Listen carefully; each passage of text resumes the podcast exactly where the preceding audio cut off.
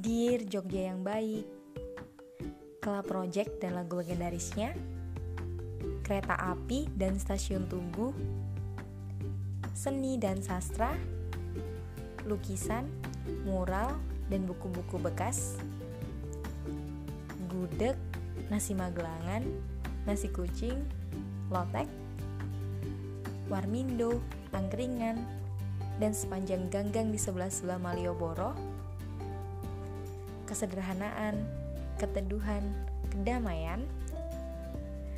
Ya, itulah belahan dunia yang paling menakjubkan. Sudut yang paling-paling-paling cantik. Dan aku sangat-sangat ingin pulang meski bukan rumahku. Duniaku saja yang berada di sana. Tapi ragaku di sini. Dan lagi, aku sangat ingin pulang. Makanya aku sebut Jogja sangat baik. Ia menyimpan semua duniaku dan membuatku selalu bangkit setelah hebat terjatuh.